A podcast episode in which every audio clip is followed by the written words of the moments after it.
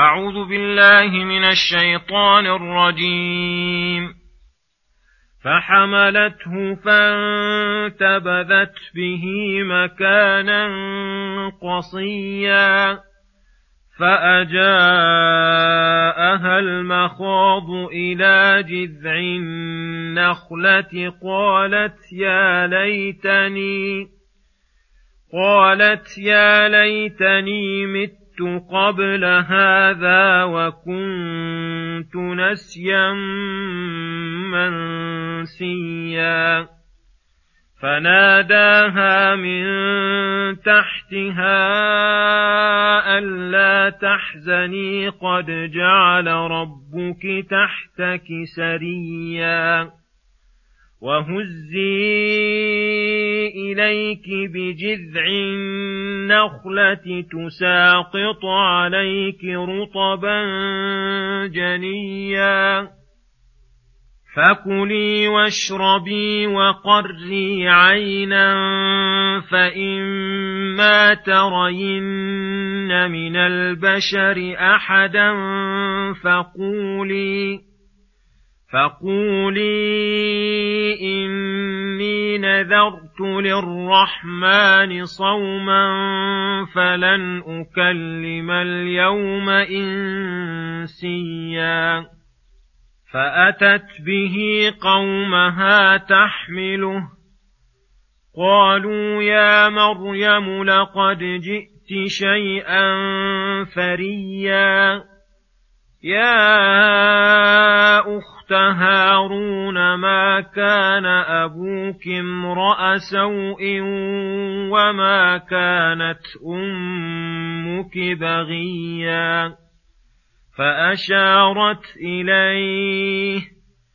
قالوا كيف نكلم من كان في المهد صبيا قال إني عبد الله آتاني الكتاب وجعلني نبيا وجعلني مباركا أينما كنت وأوصاني بالصلاة والزكاة ما دمت حيا وبرا بوالدتي ولم يجعلني جبارا شقيا والسلام علي يوم ولدت ويوم أموت ويوم ابعث حيا السلام عليكم ورحمة الله وبركاته.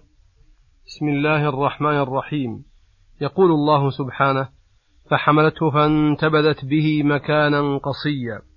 أي لما حملت بعيسى عليه السلام خافت من الفضيحة فتباعدت عن الناس مكانا قصيا.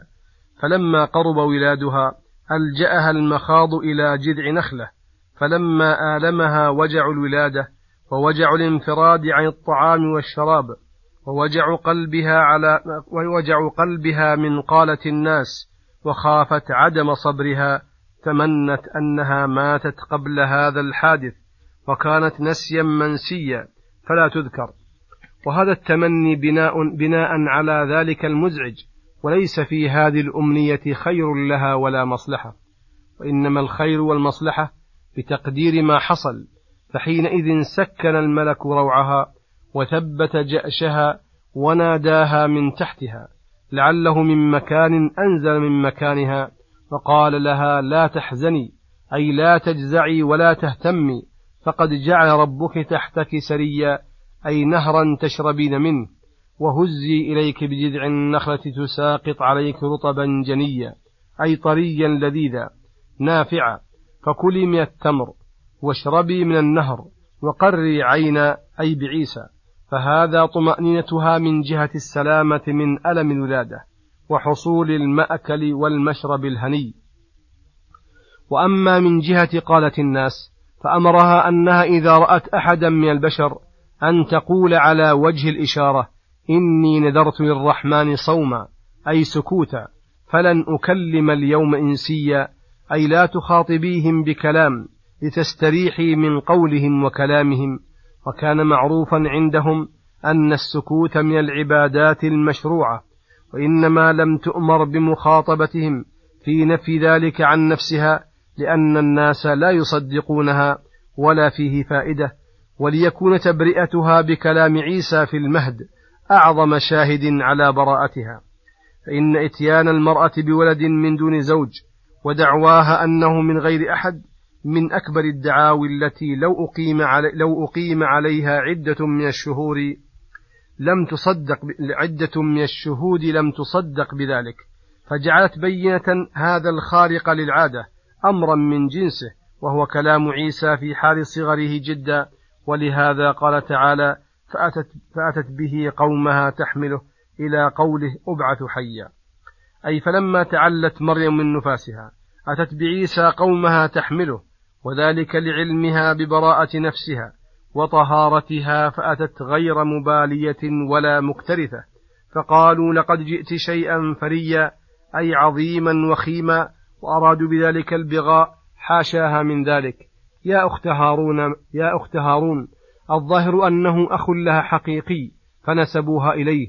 ما كان أبوك امرأ سوء وما كانت أمك بغيا أي لم يكن أبواك إلا صالحين سالمين من الشر وخصوصا هذا الشر الذي يشيرون إليه وقصدهم.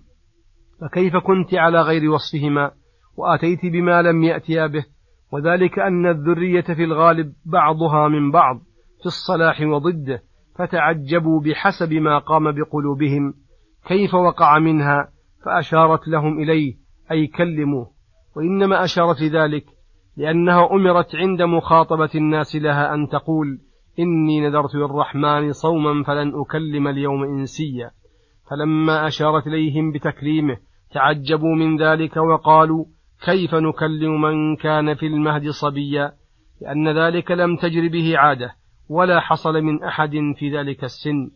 فحينئذ قال عيسى عليه السلام وهو في المهد صبي إني عبد الله آتاني الكتاب وجعلني نبيا. فخاطبهم بوصفه بالعبودية وأنه ليس فيه صفة يستحق بها أن يكون إلها أو ابنا للإله. تعالى الله عن قول النصارى المخالفين لعيسى في قوله إني عبد الله. ومدعون موافقته. آتاني الكتاب أي قضى أن يؤتيني الكتاب وجعلني نبيا فأخبرهم بأنه عبد الله وأن الله علمه وأن الله علمه الكتاب وجعله من جملة أنبيائه فهذا من كماله لنفسه. ثم ذكر تكميله لغيره فقال وجعلني مباركا أينما كنت أي في أي مكان وأي زمان. فالبركة جعلها الله في من تعليم الخير والدعوة إليه والنهي عن الشر والدعوة إلى الله في أقواله وأفعاله.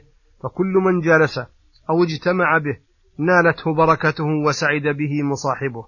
وأوصاني بالصلاة والزكاة ما دمت حيا. أي أوصاني بالقيام بحقوقه التي من أعظمها الصلاة وحقوق عباده التي أجلها الزكاة مدة حياتي. أي فأنا ممتثل لوصية ربي عامل عليها منفذ لها.